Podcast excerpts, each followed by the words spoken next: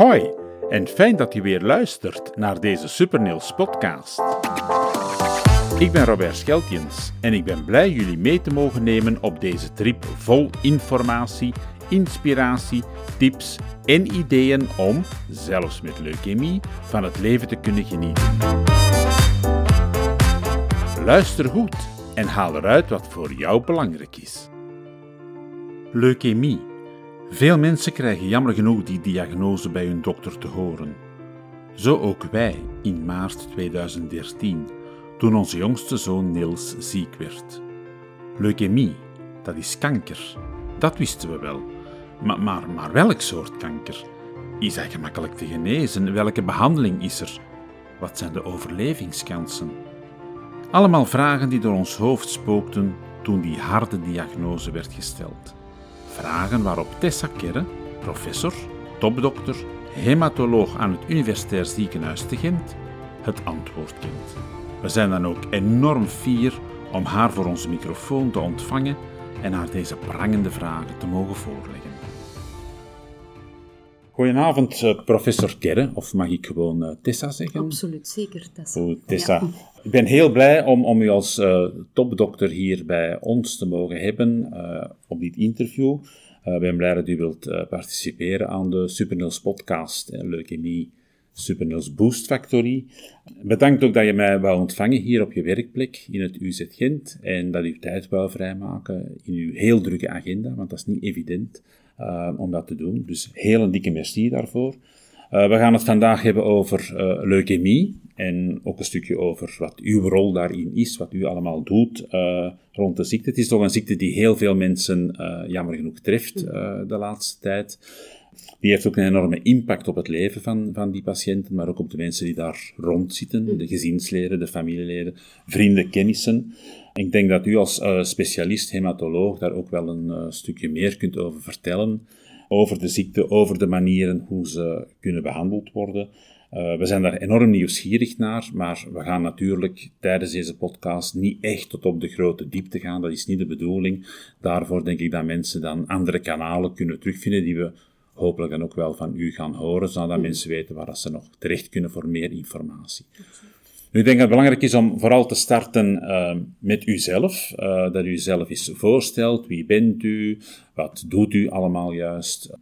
Is er een link met Supernils ook? Uh, misschien ook belangrijk om eventjes te vertellen daarover. Ja. Dus voilà, heel graag het woord aan, aan u. Dank u wel, Robert, en bedankt ook om mij uit te nodigen. Ehm, dus ik ben Tessa Kerk, ik ben hematoloog in het UZ Gent eigenlijk voor mijn volledige opleiding in, het, in Gent gedaan. Met één jaar in Zottegem en ook twee keer drie maanden in de Verenigde Staten. In Seattle vooral, maar ook in Houston. Um, en ik ben ja, ondertussen al van 2006 hier staflid aan het UZ Gent. En ik ben vooral binnen de hematologie dan gespecialiseerd in de meer... Um, intensieve hematologie, zoals we dat dan noemen. Dus effectief de acute leukemieën, um, met dan vooral de nadruk op stamceltransplantatie en immunotherapie. Dat is een beetje mijn focus binnen de kliniek. Uh, en daarnaast doe ik ook aangeboren ernstige immuunstoornis, waarvan dat ook een aantal patiënten moeten getransplanteerd worden. Um, ik heb ook mijn doctoraat ooit gedaan over het immuunsysteem en over stamcellen en zo. Dus het was logisch dat ik binnen de dienst die immuunstoornissen op mij zou nemen. Um, dus dat is een beetje mijn kliniek. Um, ik ben iemand die voor hematologie gekozen heeft om heel veel verschillende redenen.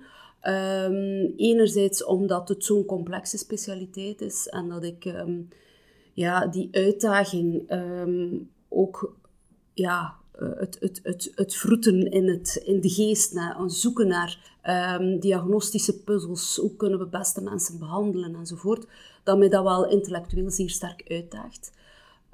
Maar ook, en misschien zelfs vooral, um, wilde ik een specialist zijn die um, echt een band opbouwt met, met patiënten. Niet een specialist die elke dag om het kwartier een andere patiënt ziet en die dan zomaar één keer per jaar of zo ziet. Dat zou niets voor mij zijn. Um, dus ik vind het wel heel belangrijk dat je ook als specialist een band kunt opbouwen met iemand. En dat is natuurlijk bij ons wel zo, omdat mensen heel vaak wekenlang zijn opgenomen ehm, heel zware therapieën moeten krijgen, uh, waarin dat je echt wel ook als arts, als deel van een team, met uiteraard andere artsen, assistenten in opleiding, verpleegkundigen, maar ook kinesisten, diëtisten, uh, verpleegkundig specialisten um, enzovoort, sociaal uh, verpleegkundigen. Een gans team die patiënten heel langdurig en intensief begeleidt. En dat is, dan is hematologie daar wel een goede specialiteit voor. Mhm. Dus um, dat is ook een van de redenen. Um, en daarnaast ook omdat ik inderdaad nog het gevoel had dat er nog veel te doen was. Ik had bij sommige andere specialiteiten zo het gevoel van, oh, er moet hier wel nog, nog verfijnd worden, maar de grote lijnen liggen al uitgezet. Mm -hmm. um, en ik wilde toch wel ergens toch ook door middel van onderzoek dan een steentje kunnen bijdragen in een domein. Um, en ook daar was hematologie, ik zeg niet braakliggend terrein, want we konden al heel veel op het moment dat ik begon. Maar toch was daar nog zoveel te doen. En heb ik ook inderdaad in mijn carrière als hematoloog al heel veel vooruitgang gezien. Een ongelooflijke vooruitgang eigenlijk.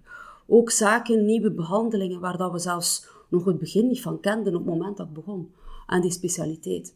Dus ook dat is uiteraard enorm boeiend om dat te mogen meemaken. Um, en dan is voor mij uh, onderzoek doen wel ook heel belangrijk, omdat je natuurlijk ook in een specialiteit zit waar dat heel veel mensen uh, spijt genoeg uh, niet kunnen genezen worden. Die ook overlijden aan de ziekte of zelfs aan een behandeling. En waar dat er dus ook nog heel veel te doen is. Mm -hmm. En waar dat dan dat onderzoek doen ook wel een stuk een tegenwicht biedt tegen de frustratie van de kliniek. Dat je zo toch het gevoel hebt van ja, ook al is het maar een klein stukje dat kan bijdragen. Ik heb al iets kunnen bijdragen, misschien aan een betere zorg voor patiënten, aan betere therapieën, met minder bijwerkingen. En zo. Ja, ja. Um, dus onderzoek is voor mij ook heel belangrijk en ik doe dat in verschillende aspecten, dus gaande van fundamenteel onderzoek, dus echt in het labo. Uh, in mijn doctoraat heb ik echt in het labo gezeten, met, met celletjes gewerkt die kweken, uh, gekweekt en therapieën uitgetest. Uh, ook zelfs met muizen gewerkt waarin dat we dan leukemiecellen spoten en die dan probeerden te behandelen op een optimale manier. Um, en begeleid ik nu doctoraatstudenten ook in dat fundamenteel onderzoek. Dat is echt het basisonderzoek. Ja, Echt nieuwe, nieuwe zaken onderzoeken. En dan hebben we ook het translationeel onderzoek. Dat is eigenlijk een beetje de brug leggen tussen dat basisonderzoek en de patiënt. Door inderdaad muismodellen of, of een eerste therapie zelfs al bij patiënten te gaan uh, bekijken naar veiligheid en zo. En dan doen we natuurlijk ook heel veel, in een universitair ziekenhuis doe je heel veel uh, onderzoek, zowel academisch onderzoek, maar ook onderzoek dat door de, een farmaceutisch bedrijf geïnitieerd is, waar je wel wat inspraak hebt over welke patiënten gaan we includeren, hoe gaan we dat allemaal doen, maar die wel gesponsord wordt, noemen we dat dan. Mm -hmm. Dat is dan de sponsor, dat is een farmaceutisch bedrijf, die ook onder de onderzoekers daarvan, dat bedrijf, bepaalde hè, een nieuwe therapie gevonden hebben en die dat dan willen uittesten in grote groepen patiënten, waar dat ze natuurlijk ook artsen nodig hebben om dan dat onderzoek mee te voeren. Um, dus mag ik daar heel even ja. op, op, verder gaan? Als je zegt uittesten, ja. Dat klinkt altijd zo'n beetje negatief ja. bij mij. Zo van, ja, we gaan de mensen als proefkonijn gebruiken, um, terwijl die mensen ernstig ziek zijn en, en willen genezen, uiteraard. Uh, hoe, hoe, ga je daarmee om? Wat, wat bedoel je dan juist met dat uittesten? Wel, um, het is natuurlijk wel zo dat we geen vooruitgang kunnen maken in de behandeling van patiënten zonder onderzoek te doen. Mm -hmm. Um, en dat begint inderdaad, gelijk dat ik daarnet gezegd heb, met basisonderzoek, met heel beginnen van een hypothese die je dan uittest op cellen, op dieren vaak. Hè. Dat we proberen dat zoveel mogelijk te vermijden, maar dat moet soms. Hè. Soms ben je verplicht om het te doen, uh, om het te kunnen aan patiënten te brengen. Maar je probeert dat zoveel mogelijk op cellijnen en op cellen te doen. Uh, maar dan moet je op een bepaald moment die stap zetten aan een patiënt. Um, en ja, patiënten zijn daar natuurlijk wel, je kunt daar niet omheen, voor een stuk testpersonen. Proefkonijnen lijkt zo hè, uh, oneerbiedig, hè, dat woord. Mm -hmm. Zo zie ik het absoluut niet. Uh, patiënten worden ook volledig op de hoogte gebracht van uh, wat, het, wat die studie inhoudt. Um, en, en wat dat de gevaren zijn, wat dat, dat voor hen betekent. En wij benadrukken altijd dat wij die studie voorstellen, omdat wij, anders gaan we die studie nooit aanvaarden om hier te lopen, als wij daar vragen bij hebben van, Is dat wel kosher? Is dat, wel, mm, ehm, is dat een studie die voor patiënten een meerwaarde kan betekenen? Pas dan gaan we natuurlijk die studie aantrekken. Mhm. Dus we zeggen wel altijd van, kijk, wij zijn een universitair ziekenhuis, ook in niet-universitair ziekenhuis loopt er trouwens veel studies. Dus wij willen natuurlijk graag vooruit gaan in behandeling. Ehm, en zonder studies ga ik niet vooruit. Ja. Dat is simpel. Maar, en we denken ook voor u, in uw specifiek geval, dat het product dat je ofwel sowieso krijgt in die studie, ofwel één kans op twee, of twee kansen op drie, vaak is dat iets meer kans om het product, het nieuwe product te krijgen, al dan niet in combinatie met andere producten, dat die optie van dat nieuwe product, daar hopen we natuurlijk van, dat dat voor u beter zal zijn dan wat we normaal doen, buiten studie. Want anders zouden we die studie niet doen. Mhm. Ja, dat is logisch. Maar als u zegt, ik zie dat niet zitten, want dat heeft inderdaad vaak wel wat impact naar iets meer naar het ziekenhuis komen, iets meer controles, soms wel langer in het ziekenhuis blijven, omdat, we noemen dat dan fase 1 studies, dat is de eerste keer dat een bepaald product hè, wordt inderdaad uitgetest. Ja, dat is nu zo. Bij patiënten. Ja, dan moet je soms wel langer in het ziekenhuis blijven, omdat we niet goed kunnen inschatten. Gaan er bijwerkingen zijn? Hoe lang gaan die duren? Tot wanneer hè, zijn we veilig of niet veilig? hè, En kunnen we u veilig naar huis laten gaan? Dus dat heeft wel implicaties. Dus als je daar zelf vindt van, ik zie dat niet zitten, dan gaan we u op dezelfde manier en even goed en met dezelfde in, intense begeleiding behandelen als als je niet voor wel of niet voor die studie kiest. Ja, dat blijft gelijk. Dus de patiënt is vrij om voor een studie te kiezen. Absoluut. Ja. En dat wordt benadrukt, zowel mondeling door verschillende mensen hier, dat je geen druk zet op patiënten. Dat is absoluut niet de bedoeling. Maar we merken wel dat heel veel patiënten kiezen voor een studie, net omdat natuurlijk, ja, omdat ze die kans willen grijpen. En dat vaak is een studie, eh, niet altijd natuurlijk, hè, je hebt ook studies die in eerste lijn gegeven worden, maar dat is dan bijvoorbeeld omdat we op basis van voorstudies verwachten dat ofwel dat nieuwe product betere kans op genezing gaat geven, of minder bijwerkingen gaat geven. Het, is altijd een voordeel dat we verwachten, maar we kunnen het niet bewijzen als we het niet op grote schaal Ja. gaan uittesten. En liefst dan ook, we noemen dat dan dubbelblind, dat wil zeggen, nog wij, nog de patiënt weet wat dat ze krijgen. Is het de, het nieuwe product, of is het het product dat we anders zouden geven? Hè? Dus, en dan op het einde natuurlijk wordt dat duidelijk gemaakt. En, en als de, de studie ja, afgerond is, dan ga je weten. Of als er een bepaalde bijwerking, dat je denkt, wat is dat hier? Dan is er ook, dat is dan om medische redenen, dat die unblind wordt. En Ja, dat je dus ja, ja, ja. wel gaat weten, wat heeft mijn patiënt gekregen? En hoe kunnen we dan nu die complicatie het best behandelen? Dus ik denk, als je mensen goed informeert, en dat is de basis van alles, dat is niet alleen over studies, maar ook over andere therapieën, eh, over de ziekte zelf. Als je mensen goed informeert, en dat is ook een van mijn passies, hoe belangrijk dat dat is, om mensen daarvan te overtuigen, dan kunnen mensen die keuze zelf maken. Ja. En zij kunnen ook op elk moment zeggen, het is goed, ik stop ermee, ik zie het niet meer zitten. Maar dat is iets wat we eigenlijk niet vaak zien. Mhm. Ehm, Maar is het ook niet zo, als ze ingestapt zijn in een traject, Mhm. als ze er dan uitgaan, dat heel vaak een andere behandeling, de normale Mhm, behandeling, niet meer kan gegeven worden? Om, of, of is dat niet Eh, zo? Nee, nee, dat is eigenlijk heel zelden. Eh, normaal kies je inderdaad voor, voor eh, de, de ene therapie ehm, versus de andere therapie. En ehm, als je dan als die studie zou stoppen of zo, hè, dan kan je nog altijd de klassieke therapie verder zetten. Als geen Ja. die studie stopt, dan ja. Ehm, dus we gaan nooit ehm, een patiënt minder goed behandelen omdat hij in een studie zit.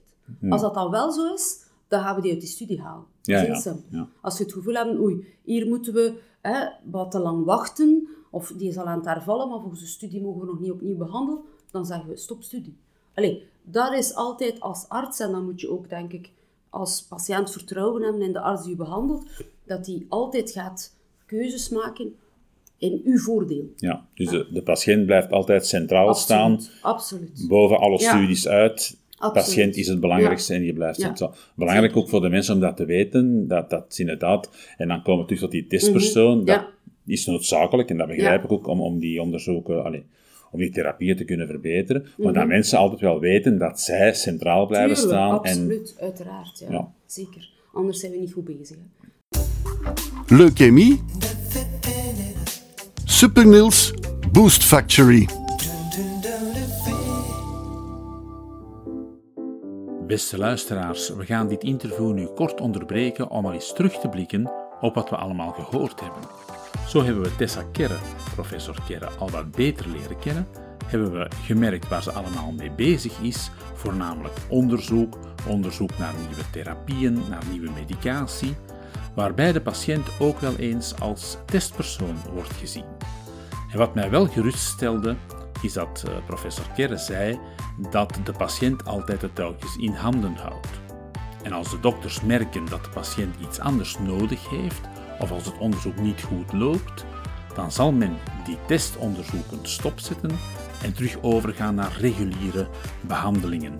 En dat stelt me toch wel wat gerust en ik denk de luisteraars ook.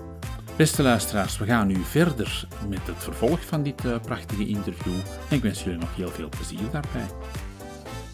Goed, ehm, Tessa, als je het hebt over eh, informeren van patiënten, denk ik dat dat inderdaad een heel belangrijke is om mensen op een, eh, een goede manier te informeren.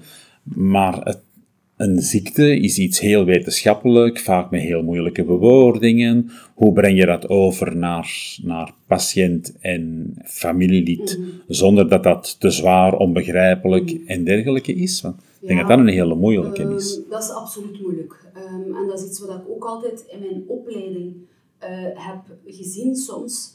Ehm, als je een, een opleiding volgt, en dat dat voor elk vak geldt, ehm, dan leer je het meest van de slechte en van de heel goede voorbeelden.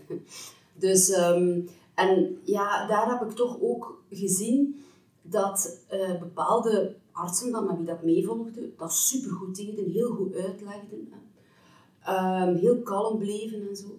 eh, en rustig uitlegden. En anderzijds zie je dan voorbeelden van artsen die echt een jargon gebruiken. Ehm, zie je ook die patiënt of de partner of de persoon die meegekomen is ook fronsen. Ehm, en dan zag je soms dat die arts dan in kwestie daar niet op inging. Niet zei van, ah, begrijp, begrijp je het? Of ik zie fronsen. Of, Ehm, en dat, dat, dat raakte mij altijd wel. En als je natuurlijk nog maar in opleiding als student heb je geen mandaat om daar te gaan zeggen, zeg Mila, wat, die heeft dat hier niet goed begrepen. Of eh, je zit heel moeilijk aan het uitleggen. Ik denk niet dat de patiënt dat begrijpt.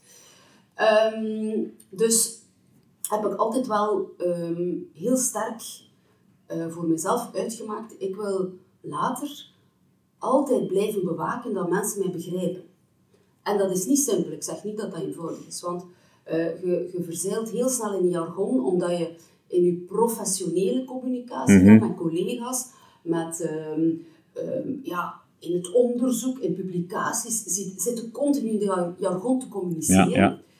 En dan moet je echt weer die klik maken als je met patiënten of met dierbaren van patiënten spreekt, om dat ehm, eenvoudiger te doen en dat jargon te vergeten.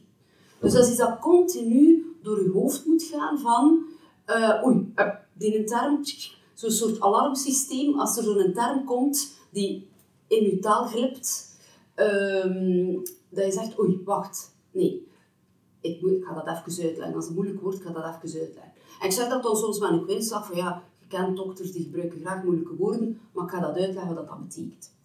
Ehm, dus dat blijft altijd iets wat je moet blijven bewaken. Dus dat is één.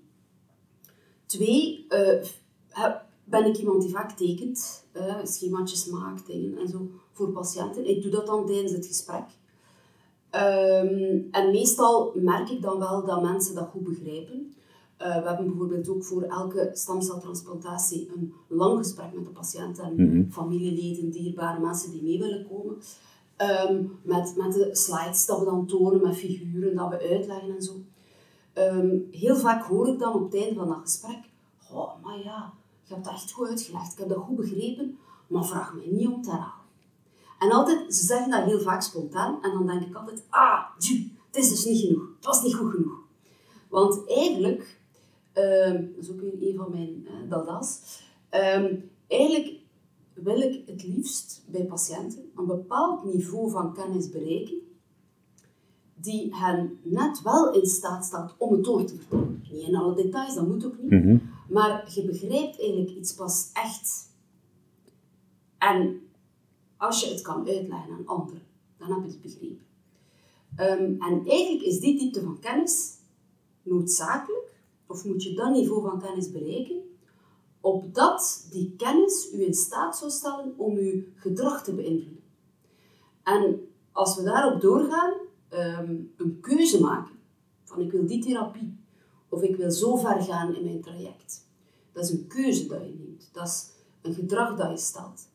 Dat kan je eigenlijk maar echt goed stellen als je een bepaalde diepte van kennis hebt. Dus die kennis, het begrijpen van wat heb ik nu eigenlijk, dat begrijpen, is al een stapje mee in het, het, het gene, allez, genezen niet, maar, maar beslissen het, het beslissen om het bepaalde trajecten te volgen. Om iets te volgen. Ja, om zo naar uw genezing te kunnen Voilà. Ja. gaan eigenlijk.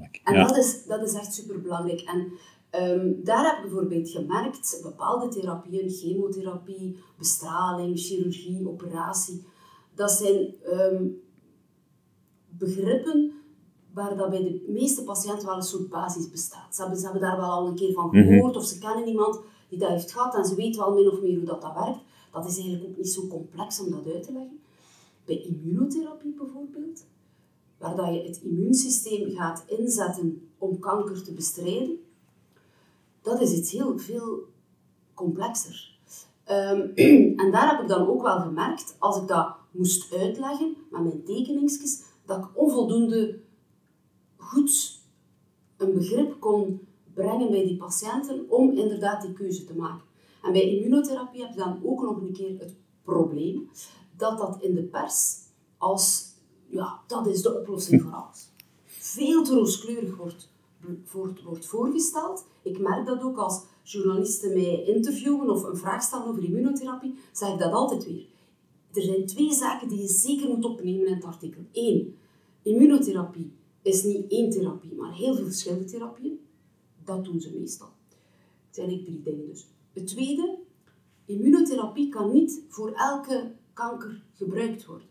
Afhankelijk van het type kanker kunnen bepaalde vormen van immunotherapie wel of niet. En voor bepaalde vormen van kanker kan geen enkele vorm van immunotherapie.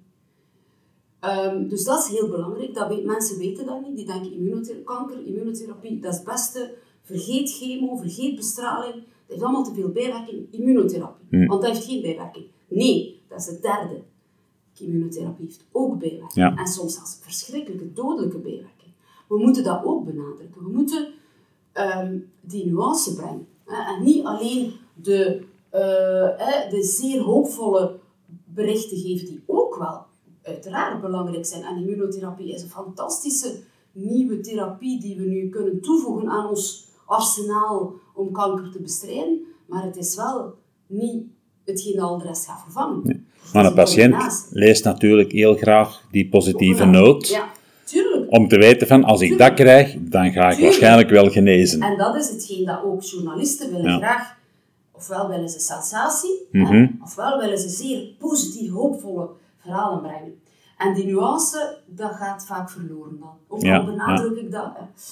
En ehm, zeker bij immunotherapie dus, omdat patiënten horen immunotherapie en ze hebben die verhalen gehoord, die hoopvolle verhalen, zeggen ja, ja, ik wil dat, immunotherapie. Wacht, wacht, wacht. Maar ik ga je dat eerst goed uitleggen. Wat dat, dat is, hoe dat, dat werkt, wat dat mogelijke bijwerkingen zijn. Niet te onderschatten. En ehm, dan merkte je dus enerzijds de complexiteit, anderzijds die te positieve hè, ehm, verhalen die in de pers eh, opgehangen worden en die eruit gelicht worden, ook op sociale media. Mhm. Ehm, ik moet hier zorgen voor een manier om die therapie goed, eenvoudig, duidelijk uit te leggen en ook de bijwerkingen te kunnen uitleggen. Ehm, en daarom heb ik immunotheken ontwikkeld, ehm, waarvan dat we ongetwijfeld ook hè, in de podcast ook op het einde de link kunnen doorsturen. Eh, dat eigenlijk een soort, ja, een motion comic noem ik het. Het is Mhm. eigenlijk een, een, een soort cartoon met beweging, met muziek ook, waar dat mensen op een heel eenvoudige, aanschouwelijke manier iets heel complex uitgelegd krijgen. Ehm, een, een, inleiding ook, waar dat we zeggen hoe kanker ontstaat en hoe dan kanker kan ontsnappen aan het immuunsysteem. Ja. En hoe we dan dat immuunsysteem kunnen gebruiken voor in verschillende vormen van immunotherapie. Die dan elk stuk voor stuk worden uitgelegd. Ehm, en daar maak ik inderdaad, we zijn daar nu ook onderzoek over aan het doen, dat is dan nog een vorm van onderzoek dat ik doe, ehm, waar dat we gaan de impact van die nieuwe vormen van informatie geven op enerzijds het begrip van patiënten, dus we hebben kennistesten ontwikkeld, waar dat we dan weer gaan peilen naar wat doet dat met de kennis van patiënten. Mhm. Welke kennis was er op voorhand na het beluisteren van immuun of het bekijken van immunotherapie, wat was de kennis dan? En ook, dat is dan een volgende stap, hoe heeft dat invloed op het beslissingsproces? Dus dat is ook het ontwikkelen van een tool, maar daar dan ook weer onderzoek op doen, want ik was daar in het begin zeer naïef in. Ik dacht, ik ga immunothee ontwikkelen. Ehm, ik ga zelf zorgen voor, hè, voor sponsoring, voor geld. Dat iedereen dat gratis kan beluisteren. Ik ga daar aan bekijken. Ik ga daar ook verschillende vertalingen uh, voor uh, voorzien. Um, dat, dat zoveel mogelijk mensen dat kunnen um, ja, aan blootgesteld worden. En dat gaat lukken en dat gaat fantastisch zijn.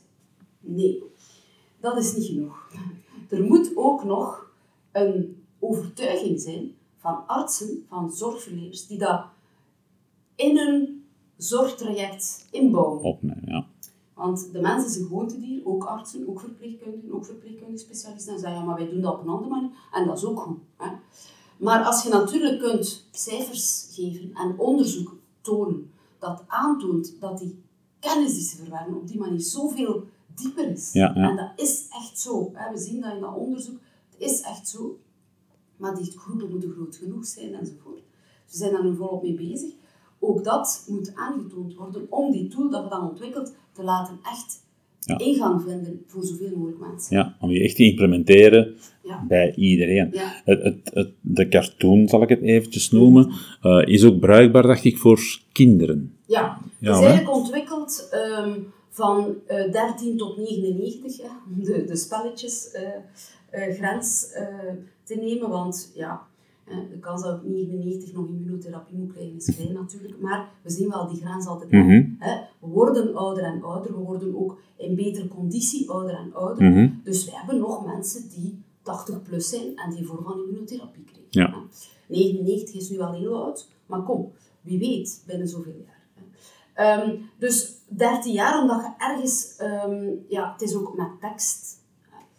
Eh, je moet ergens een grens stellen. Ehm, maar we hebben gemerkt dat ook jongere kinderen, eh, zeker die kunnen gebruiken, de, de motion comic kunnen gebruiken, ehm, al dan niet dan begeleid door een oudere. Een ouder of iemand die het wat uitlegt, die er met hen doorheen gaat. Ik denk bijvoorbeeld aan een leerkracht. Bijvoorbeeld een, Een kindje leerkracht. dat leukemie heeft Ja. in de klas en, Ja. en de kinderen in de klas weten niet goed Ja, wat dat allemaal betekent, dat de leerkracht Ja. aan de hand van dat filmpje met de kinderen kan doornemen. Absoluut, Dus dat kan, ja. Dat kan zeker. En we merken dan dat, ehm, allee, ik heb ook op beurzen gestaan, op wetenschapsbeurzen, samen met, met trouwens, in het verleden, waar dat je inderdaad dan een aantal iPads liggen had met een koptelefoon, Hmm. dat ik echt ontroerd was over hoe dat jonge kinderen ja, begonnen te kijken en bleven kijken. Ja, Ehm, want je zit dan op een beurs waar dat ze kunnen hè, Lego bouwen, waar dat ze kunnen mini-robotjes maken. Dat ik dacht, ja, hier een motion comic over kanker, yeah right.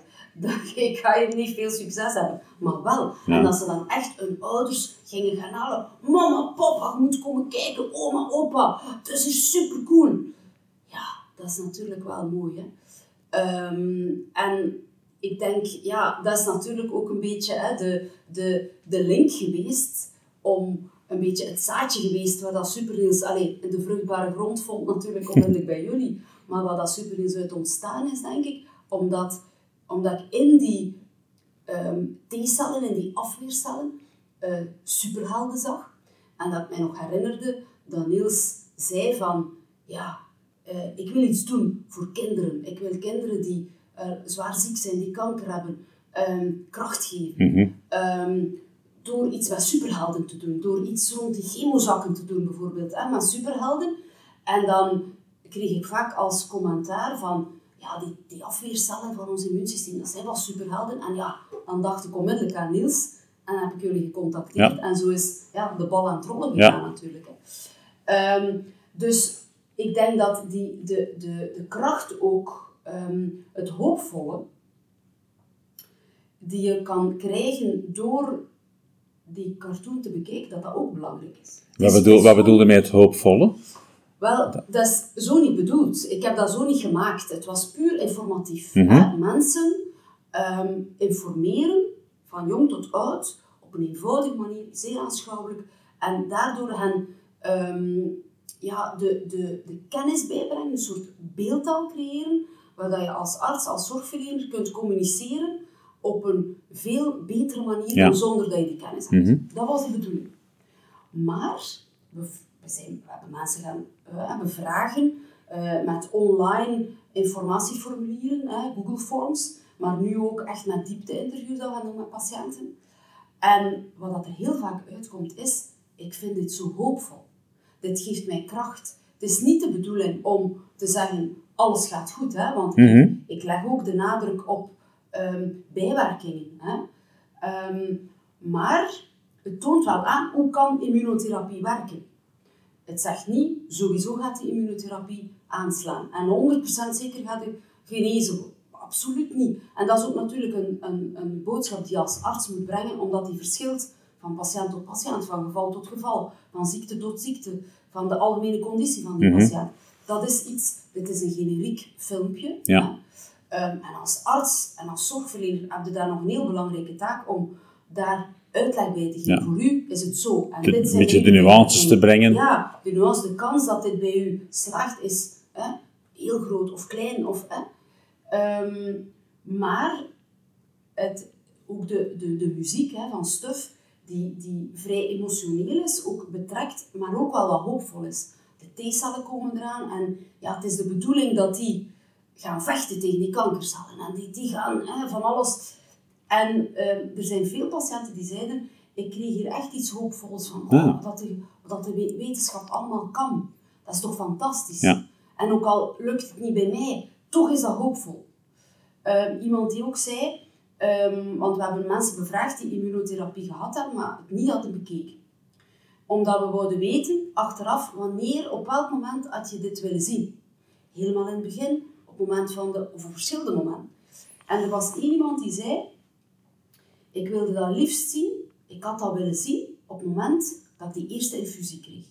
Omdat dat voor mij zo hoopvol is. En dan is er zoveel angst ook van, "Ah, een nieuwe therapie. Ik heb dat nog nooit gehad, net als de eerste chemotherapie. Hè. Uiteindelijk, ik heb ja. daar wel al van gehoord, maar weet jij veel wat dat in je lichaam teweeg gaat brengen? Er is veel angst, onzekerheid. En dat is het van al. Hè. Van, wat gaat dat doen met mij? Ga ik, ga ik misselijk worden? Hmm. Ze hebben gezegd dat ik waarschijnlijk misselijk ga worden. Mijn haar gaat uitvallen. Wanneer ga ik misselijk worden? Wanneer gaat mijn haar uitvallen? Die onzekerheid, Ja, ja. dat is zeer allesomvattend. Die angst ook, door die onzekerheid. Ehm, en die zei, had ik dat toen gezien, denk ik dat, dat die angst minder was geweest. En dat dat zo echt was van, ja, en we gaan hier een keer eh, hoopvol, en, en die cellen zijn aan het vechten in mijn lichaam, en ja, ik, ik zie het zitten, en, ehm, zonder dat het natuurlijk te rooskleurig is. Ja, ja, ja. Maar het deed mij ook wel denken, als ik dat hoorde van die patiënt, aan een verhaal. We hebben ooit een paar jaar geleden bergbeklimmers georganiseerd, eh, waarin dat, ehm, patiënten die een stamceltransplantatie gehad hadden, werden uitgenodigd over de voorbije, toen 32 jaar, we zijn ondertussen een paar jaar verder, Ehm, samen met iemand. Ze mochten iemand meebrengen, die, een donor, iemand die belangrijk voor hen was geweest in het proces. Moeder, vader, zoon, dochter, whatever, een goede vriend of vriendin. Ehm, en toen was er iemand die aan de praat geraakte met de verpleegkundige. En die verpleegkundige die zei altijd, als die de stamcellen aanhing, ehm, je hebt geluk dat ik het ben, want als ik de zakken aanhang, dan loopt het altijd goed. ze dacht daar eigenlijk zelf, want ze kwam daarna bij mij en zegt, wat dat die patiënt nu zei, ja, zegt ze, ik zeg dat inderdaad, het is zo'n automatisme geworden, na al die jaren. Ik denk daar eigenlijk niet bij na. Dat is ook natuurlijk totaal niet gebaseerd op wetenschappelijk Nee, onderzoek. Maar die patiënt had gezegd, jij zei dat op dat moment dat ik zo bang was van wat gaat er hier gebeuren. En, ehm, en dat was van, oké, het komt goed. Dat was ook niet gebaseerd op... Hè, op Ja, maar het is enig inderdaad heel vaak Dat wa- wa- hoopvolle Ja, dat is klopt. zo belangrijk. Ja. En de manier waarop dat men dan iets zegt, en dat moet inderdaad niet wetenschappelijk onderbouwd zijn, maar de manier waarop dat je iets brengt of Ja. zegt, is zeer belangrijk. ja, ik heb dat zelf bij, bij Niels ook ondervonden met zijn transplantatie. Ehm, dat is zowel de dokter als de verpleegkundige. Ja, die brachten mij, want ik wist niks af van het gevaar. Niels wist dat zelf wel. Ehm, wat er allemaal kon gebeuren. Hij had dat niet met mij gedeeld, om mij een beetje gerust te stellen, denk ik. Maar ik was ook heel gerust tijdens heel dat proces, omdat de dokter en de verpleegkundige daar ook op een heel, Open. eigenlijk een open, maar ook een stukje met humor en, en Ja. op, een, een fijne manier mee omgingen. Maar dat maakte dat onze Niels ook die een humor had. En dat in, in de kamers, dat daar heel rustig en heel sereen en heel tof en heel, heel leuk was. Van. Ook bij mij het idee van, oké, de oplossing hangt er nu en komt allemaal goed. Ehm, het traject daarna is natuurlijk heel zwaar. Ehm, als je ze dan terug eruit ziet komen en, terug goed ziet komen, dan... Eh, maar inderdaad, dat hoopvolle. Nu, ik ben blij dat je dat zegt met dat filmpje, want dat had ik er zelf nu niet zo uitgehaald, Ja, maar dat dan die patiënten was ook zo... niet met die optiek gemaakt. Hè. Ja, We hebben uiteraard wel hard nagedacht over hoe moeten we het verbeelden, hoe gaan we kankercellen er laten uitzien, hoe gaan we gezonde cellen er laten uitzien, hoe gaan we die T-cellen er laten uitzien. Die T-cellen, dat was direct fantastisch. Dat is nog verder verfijnd, maar ik, vond, ik had zo tekeningetjes gemaakt, schetsjes, en dan moet dat door het bedrijf dan worden omgezet in iets, hè, 3D-structuurtje zo. Ehm, die T-cellen, dat was direct, ja, this is it. Ehm, de de eh, gezonde cellen, geen probleem. De kankercellen, die zijn er zeer agressief, boosaardig, angstwekkend uit. Hè? En ja, dan denk je zelf, goh, dat is misschien niet oké. Eh, want ja, natuurlijk, je toont dat filmpje je toont ook van, dit is iets wat aan het groeien is in je lichaam, dat we gaan bestrijden. Ehm, en eigenlijk, ja, je spreekt over kwaadaardige cellen, maar eigenlijk zijn cellen niet kwaadaardig. Eigenlijk zijn kankercellen verward. mhm, er is daar een fout, dat is een gezonde cel waarin dat er een fout gebeurt, een soort kortsluiting, waardoor dat die cel plots niet meer weet van, oh, wat moet ik nu doen? Eh, ja, ik had hier een bepaald doel in het leven, maar plots weet ik het niet meer. Ik, ik zie niet meer het genetisch materiaal, het is daar een fout in. Mijn roadmap, mijn plannetje dat ik had, is, is gescheurd, is uh, verregend, is, is, is weg. Ik, ik weet niet meer wat ik moet doen. Dus ik ga delen en delen en delen. En, en dat is dus wel iets waar we over nagedacht ja, hebben. ja, ja. En dat ik me wel kan voorstellen, want ik toonde dat dan natuurlijk ook aan die... Ik heb ja, tientallen opties moeten bekijken van gezichtjes, dingetjes, uitdrukkingen enzovoort. Dus ik heb daar altijd wel hard over nagedacht en ook aan andere mensen getoond. En bijvoorbeeld mijn man, die zei bij die eerste voorstel, oh my god, als ik dit zou zien, ik wil weg. Dat, lijkt tot, dat moet weg uit mijn lichaam. En ehm, dus dat is natuurlijk wel iets waar je over nadenkt. Ook over die muziek. Hè. In het begin was er andere muziek. Dan kregen we de feedback van, dat is wat irriterend. Dat Mhm. irriteert mij. Dat, ja, dat wilde niet. Hè. Dus, en je weet niet, bij u kan dat niet Ja, irriterend zijn, maar bij anderen kan dat wel Mhm. dat effect hebben. Ik zeg niet dat nu iedereen die soundtrack geweldig vindt, maar we krijgen die commentaar van dat irriteert, dat krijgen we al niet meer. Hè. Ehm, eerder zelfs altijd positieve evaluaties. Dus het is ook iets dat je ja, moet aftoetsen bij heel veel mensen en dat je dan zo leert en het verder verfijnt en verbetert. En dan hopelijk op een bepaald moment iets waar dat de meerderheid van de mensen zich goed bij voelt. Ja, ja. En dat hoopvolle is inderdaad iets wat dat wij er niet ingestoken hadden, maar dat mensen er Maar dat er dan wel naar boven komt. Ja. hè, ja. Leukemie. Super Niels Boost Factory.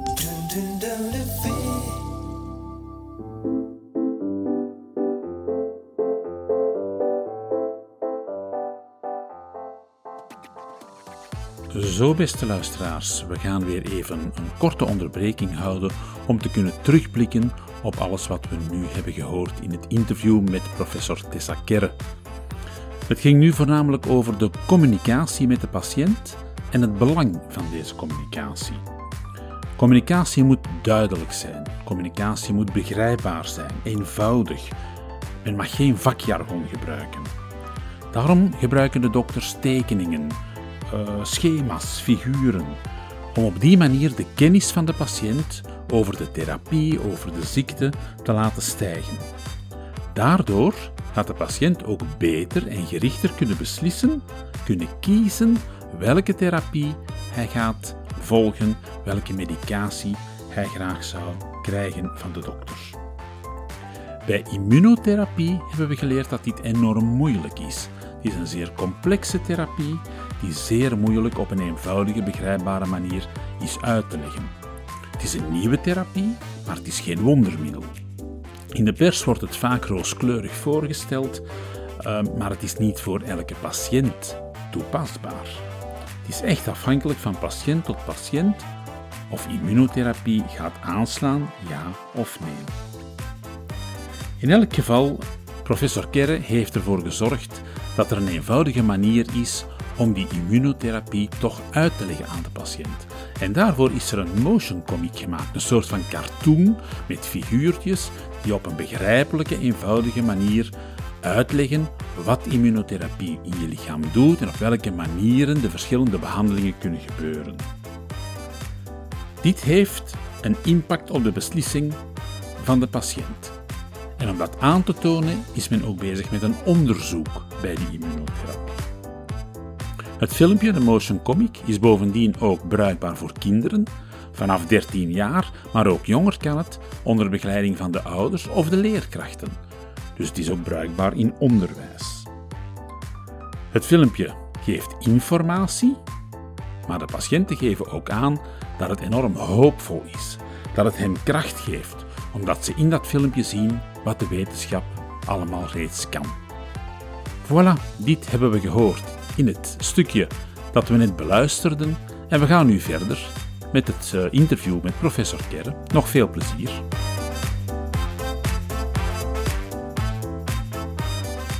Nu denk dat we al heel wat hebben, hebben gehoord over het onderzoek en zo dat u doet. En, er is uh, zeker de, uh, wat die kanker is, wat leukemie is, al een stukje naar boven gekomen. Maar leukemie, ik vind het al een hele rare naam ook, hè? leukemie. Het is eigenlijk geen leukemie. Nee, uh, het, is, het is helemaal niet leuk. Van waar komt die naam eigenlijk? Dat komt eigenlijk van, uh, van leukos. Hè? Uh, dus dat komt van de oudheid, hè? van de oude term, van Latijn en Grieks. Um, dus witte cel. Um, leukocyt, witte cel. Um, en daar dan een kwaadaardige vervorming van. En ja, daar ja. komt dat eigenlijk Ja, van, ja, ja. dus dat heeft absoluut niets met leuk te maken. Um, in het Engels is ook leukemia en daar is leuk is niet uh, leuk. Nee, nee, nee. Dat is bij ons dat je inderdaad zegt leukemie. Dat is helemaal geen leukemie. Um, dus daarvan komt het. Hè. Ja, uh, ja. Het is een, een, een kwaadaardige vervorming, laat ons zeggen, van een witte bloedcel. Ah ja. Nu, je hebt verschillende soorten leukemie. Um, enerzijds acuut en chronisch. Mm -hmm. Een acute leukemie is per definitie iets dat heel plots ontstaat. Um, dat kan wel zijn dat er een soort een voorvorm was. We hebben bepaalde, um, zelfs niet kwaadaardige ziekten, waarvan dat we weten, hier is een verhoogd risico om naar een leukemie te gaan. Ah, ja. um, de meeste vormen van leukemie zijn ook, ook de acute leukemie, zijn ook het gevolg van die één mutatie, zo zijn er ook, één mutatie die zoveel verandering teweeg brengt, zo cruciaal is, dat die ene mutatie leidt tot de leukemie. Maar meestal zijn het verschillende mutaties die opstapelen. En dan is die derde of die vierde of die vijfde is dan degene Ja. die uiteindelijk leidt tot die acute leukemie. En een acute leukemie kan inderdaad zich op een paar weken tijd ontwikkelen. Van een normaal bloedbeeld. We hebben soms patiënten die zeggen, allee, drie weken geleden moest ik op controle bij mijn huisarts of moest ik een, een kleine ingreep ondergaan en mijn bloed was goed. En nu, kan dat? Ja. Dat is inderdaad dat acute. Dat Ja, inderdaad een bepaalde mutatie of verschillende mutaties ervoor zorgen dat die cel begint te delen, delen, delen. En bij wijze van spreken, soms per dag zie je dat celaantal verdubbelen. Ja. Hè? Dat gaat van 1000 naar 2000 naar 4000. En als je aan 50.000 zit, is de volgende dag 100.000. Van 100 naar 200.000. En dat is enorm snel dat dat kan gaan. Dat is de acute leukemie. En dan heb je chronische leukemie. Ehm, dat is eerder een vorm die over verschillende jaren zich kan ontwikkelen. En dat je inderdaad zegt op een bepaald moment, mensen die bijvoorbeeld jaarlijks hun bloed laten prikken, en dat je dan terugkijkt en dan zegt, ah ja, kijk, dat was hier al een beetje aan het oplopen en oplopen en oplopen. En op een bepaald moment wordt dat zoveel dat je zegt, tja, hier gaan we een keer onderzoeken wat er hier aan de hand is. Ehm, maar dat zijn ook afhankelijk van welk type chronische leukemie, dan leukemieën waar dat we soms zeggen van we gaan niets doen. Het is iets kwaadaardig. Ehm, en dat is ook soms raar natuurlijk om die boodschap te brengen aan Mhm. mensen. Oké, je hebt leukemie. Die horen leukemie en die denken, oei, oei, Ja. wat is dat? Ja, ik ga doodgaan en, en dat gaat snel gaan. Nee, nee, we gaan daar niets aan doen. Huh? Ik heb leukemie, een kwaadaardige bloedziekte, beenmergziekte en je gaat niets doen. Wat blief? Ja, ehm, we gaan u goed opvolgen. En dat kan hier zijn, dat kan ook via de huisarts zijn, waar regelmatig je bloed controleren. Hè. Maar we gaan eigenlijk die maar behandelen als bijvoorbeeld we zien dat je bloedarmoede krijgt. Of als je bloedplaatjes zakken. Als de gezonde bloedcellen in het gedrang komen. Of als jij zelf heel veel last begint te krijgen van vermoeidheid, van nachtzweten, van hè, niet goed vooruit kunnen. Of als je grote klieren begint te ontwikkelen. Dat zijn elementen die wel ervoor zorgen dat we je gaan moeten behandelen. Maar dat kan ook zijn dat we tien jaar lang gewoon opvolgen en niets doen. Zelfs soms twintig jaar lang in uitzonderlijke gevallen. Ehm, dus dat zijn die chronische leukemieën. Dat is dan het type van een chronische lymfatische leukemie. Want je hebt ook nog je acuut versus chronisch, maar je hebt ook myeloïd versus lymfoïd. En dat is al weer een vrij moeilijke term. Ik heb daar helaas geen eenvoudige hè, eh, vertaling voor in, in, in mensen, mensentaal.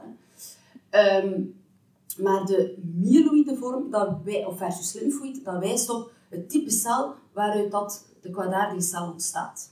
Ja.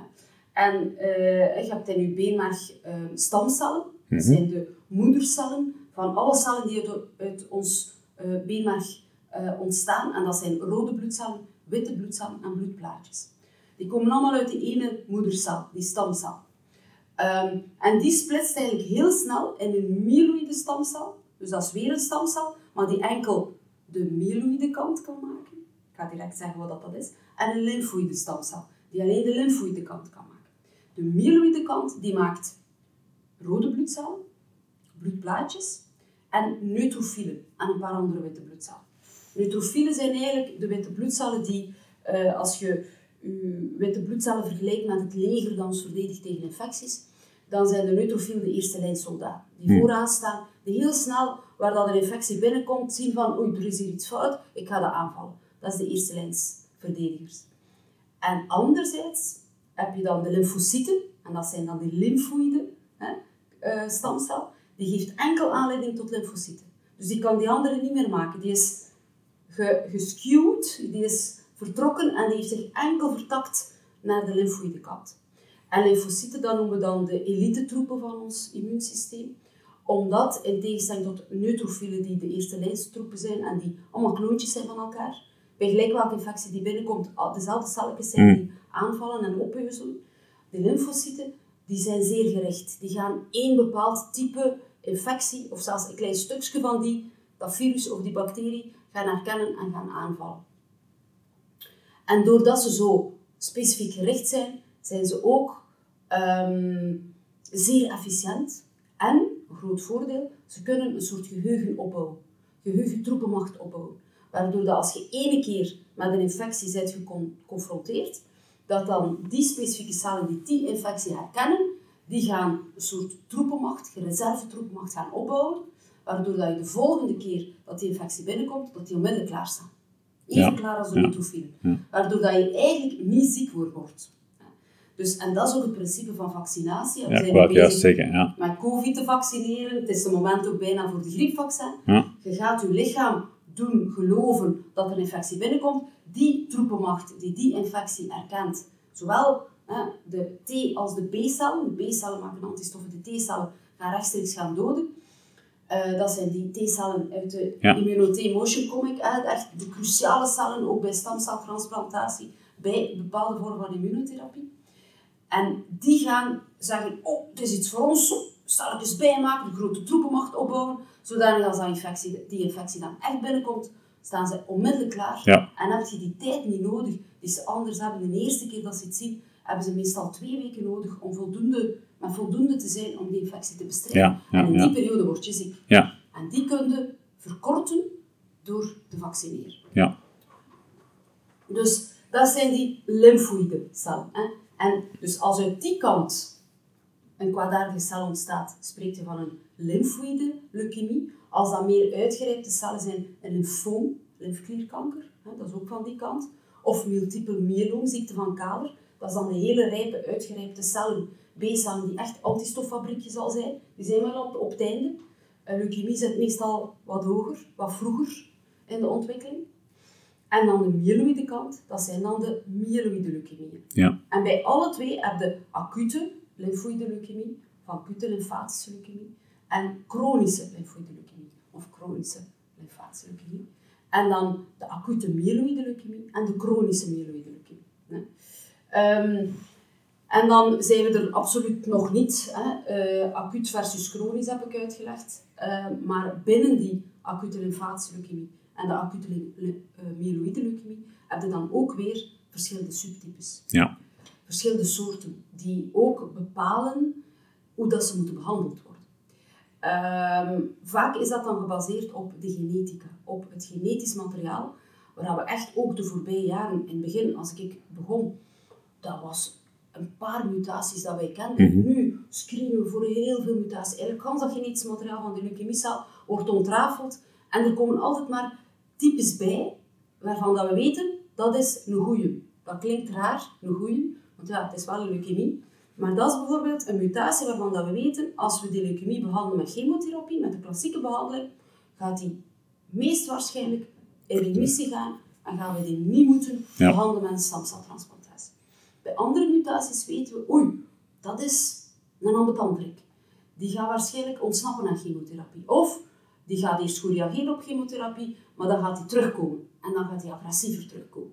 Dus we moeten op het moment dat die chemotherapie een remissie heeft veroorzaakt, dat we zeggen, we vinden geen ziekte terug, maar er zit daar waarschijnlijk nog wel een restje dat we niet zien, dan moeten we een stamceltransplantatie doen. Om ja. alles kwijt te, te Ja. Ja, ja. Dus die genetica, die, die ontrafeling van de genetische eh, achtergrond van die leukemiecellen, die helpt ons ook enorm in de therapie.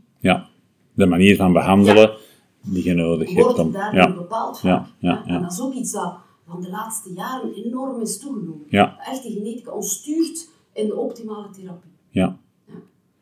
Heel kort, eh, want er zijn natuurlijk verschillende behandelingen. En, en we hebben het al gehad over stamceltransplantatie, eh, de chemotherapie.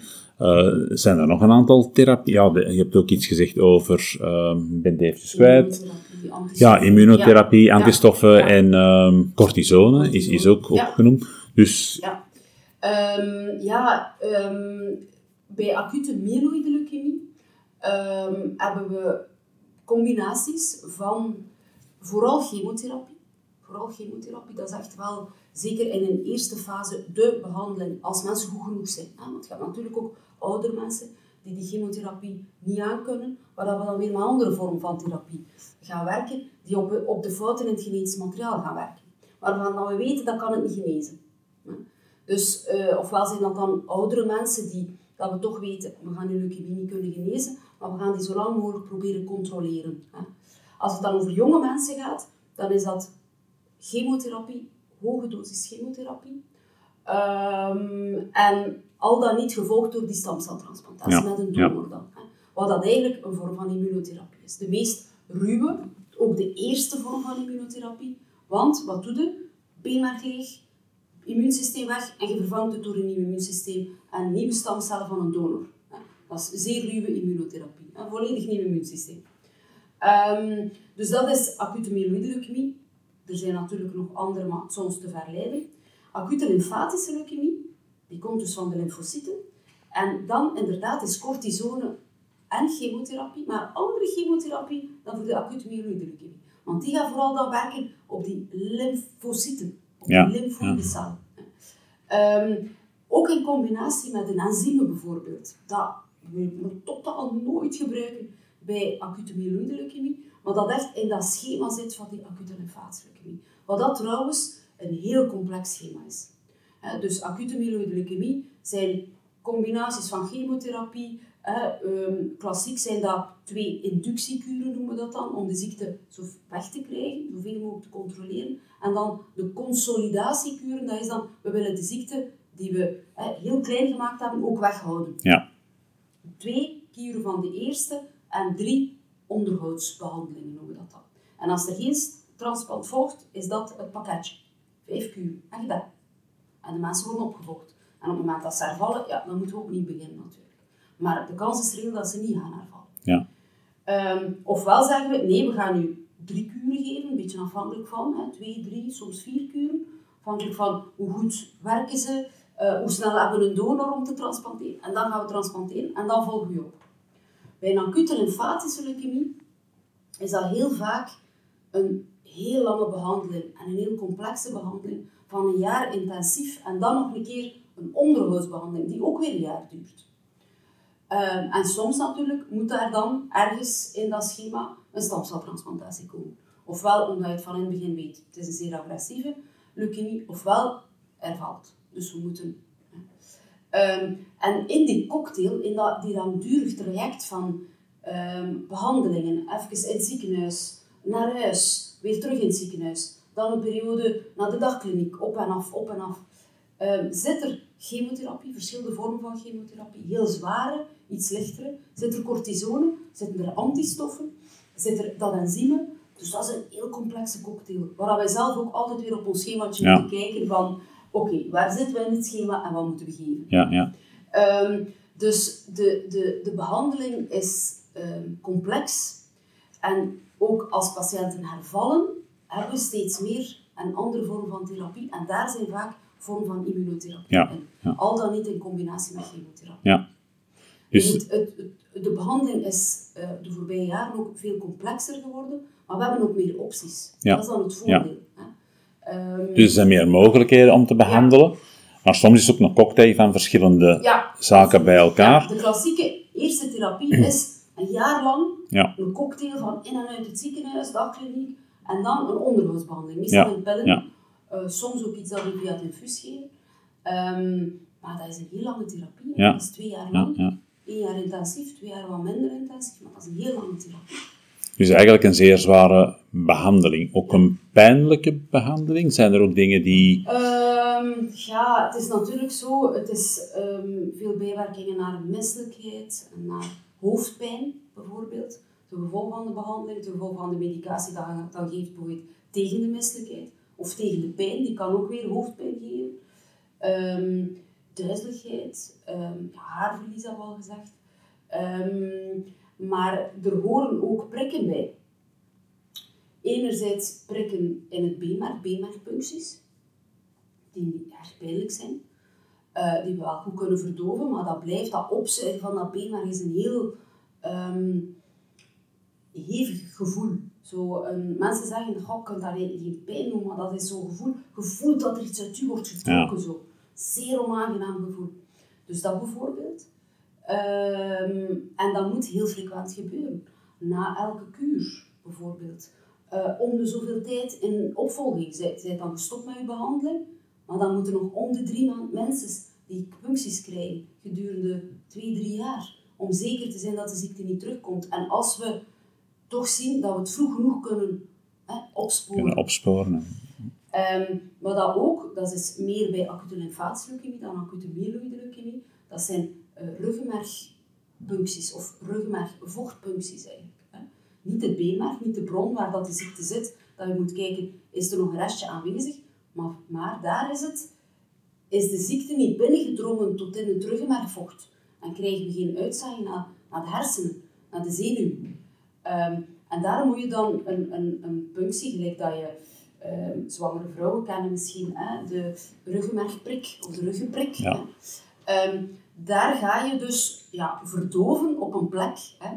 Dat, dat is eigenlijk hetzelfde principe. Het gaat naar dezelfde, tussen twee wervels. Dus de mensen moeten een heel kromme rug maken, like een kat. Heel kromme rug, waardoor die wervels uit elkaar komen. En dan kan je eigenlijk tussen die wervels door het vlies, eerst de huid en dan het vlies dat eigenlijk die, die, die zenuwen um, om be, be, beschermt eigenlijk een Ja, beetje. ja.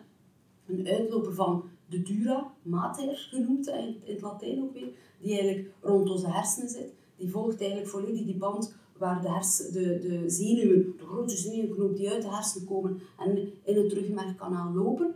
Uh, en daarom zit er vocht. Um, dus daar moet je eigenlijk door, dat is zo een vlies, dat hard, dat hard gespannen vlies zo. En dan kom je in die zone waar dat dan dat rugmergvocht zit. En dat is enerzijds om te checken, dus daarmee nemen we een staal af van de rugmergvocht, om te kijken of dat er geen leukemiecellen Ja. zitten, of dat alles normaal is. Maar daarna spuiten we ook chemo in, ter plaatse. Dat is ehm, chemo die we daar toedienen, omdat chemotherapie heel vaak niet terechtkomt in dat rugmergvocht. En dat doen we preventief, of soms, als we dan effectief die cellen zien, kwaadaardige cellen zien, ja, dan moeten we ook Ja, chemo ja. als behandeling. Maar we geven ook chemo bij iemand dat we altijd prikken en nooit leukemiecellen zijn in dat rugmergvocht, gaan we toch chemo geven ter preventie. Omdat onze chemo die we in de bakster geven, er niet altijd geraakt. Niet doordringt En dat tot is door die fameuze bloed-hersenbarrière. Hmm. Hè. Dat is een hele stevige barrière die ervoor zorgt dat als wij alcohol drinken en als wij gif innemen en als wij van alle vieze pillen nemen, dat die niet tot in, of zo weinig mogelijk, tot bij die hersenen geraakt. Ja, ja. Die zo cruciaal zijn voor ons leven en voor ons functioneren. Dus dat is die barrière, maar die zorgt er ook voor dat pillen die we willen daar brengen, of chemo die we willen daar Dat brengen, ook. dat die daar ook wat tegengehouden wordt. Hè. En daarom moeten we dan vaak ook echt rechtstreeks in dat vocht chemo gaan inspuiten met een naald. En dat zijn ook zo'n verveelde prikken. Ja. Dus er, en bloedprikken natuurlijk, een katheter die dan altijd moet aangeprikt worden. Ehm, dus de, er zijn ook veel ja, vervelende onderzoeken en prikken dat we moeten geven, die dan ook nog een keer die patiënt bijkomen belasten. ja. Leukemie. Supernils Boost Factory.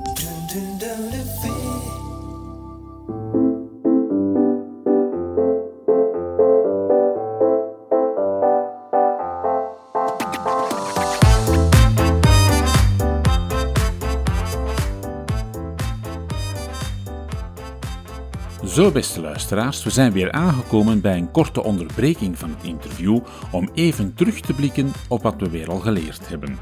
We leerden in dit stukje van het interview vooral over de verschillende soorten leukemie die er bestaan. Er is acute myeloïde leukemie, acute lymfoïde leukemie, maar ook chronische myeloïde leukemie en chronische lymfoïde leukemie. En elk van deze vormen van leukemie heeft een eigen specifieke behandeling nodig, die ook nog eens afhankelijk is van de toestand en de situatie van de patiënt zelf. Zo is er de klassieke chemotherapie, zo is er stamceltransplantatie, immuuntherapie, een mogelijke behandeling met cortisonen en enzymen. Soms zal zelfs een combinatie van verschillende therapieën noodzakelijk zijn. Dit leerden we allemaal in dit stukje van het interview. We zijn ook bijna aangekomen aan het einde van deze aflevering van de Supernils podcast Leukemie Supernils Boost Factory. Het einde van deze aflevering, maar niet het einde van het interview. Volgende keer gaan we verder luisteren naar het boeiende gesprek dat we mochten hebben met professor Tessa Kerre. In elk geval, voor deze keer willen we Tessa heel erg bedanken voor haar schitterende uitleg. Heel erg bedankt, Tessa.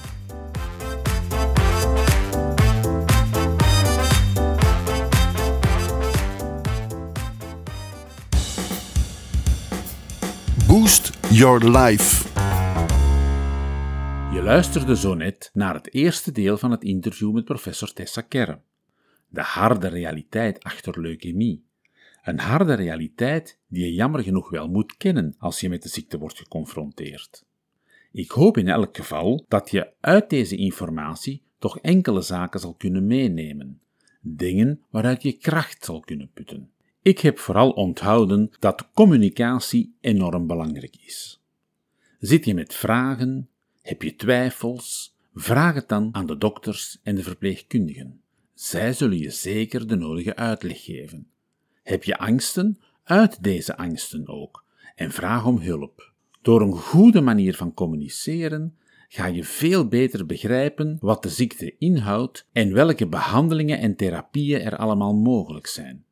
En op die manier ga je ook zelf mee kunnen beslissen wat er voor jou het beste is. En dat is alvast een stap in de goede richting van een genezing. Make our day.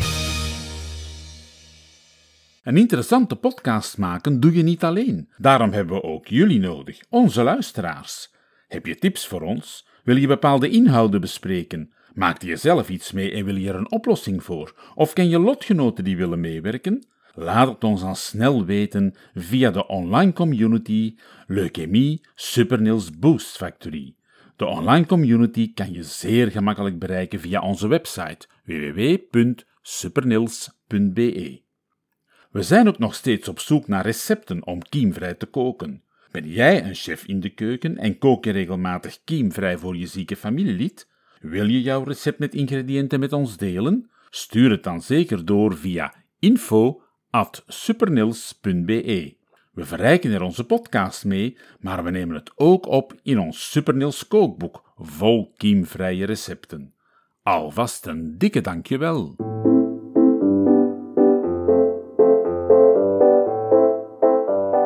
Heel fijn dat je weer luisterde naar onze Supernils podcast Leukemie Supernils Boost Factory. Je kan ons ook helpen om meer naamsbekendheid te krijgen door de podcast te volgen in iTunes en Spotify. Deel hem ook met anderen die er baat bij hebben. Neem tevens een kijkje op onze website www.supernils.be en leer ons nog beter kennen. En heb je een vraag, een idee of wil je met ons samenwerken? Word dan lid van onze online community of Facebookgroep, de Supernils Boost Factory, en neem deel aan de gesprekken en discussies. Samen maken we deze podcast nog beter, nog sterker. Nogmaals bedankt voor het luisteren en tot de volgende keer bij Leukemie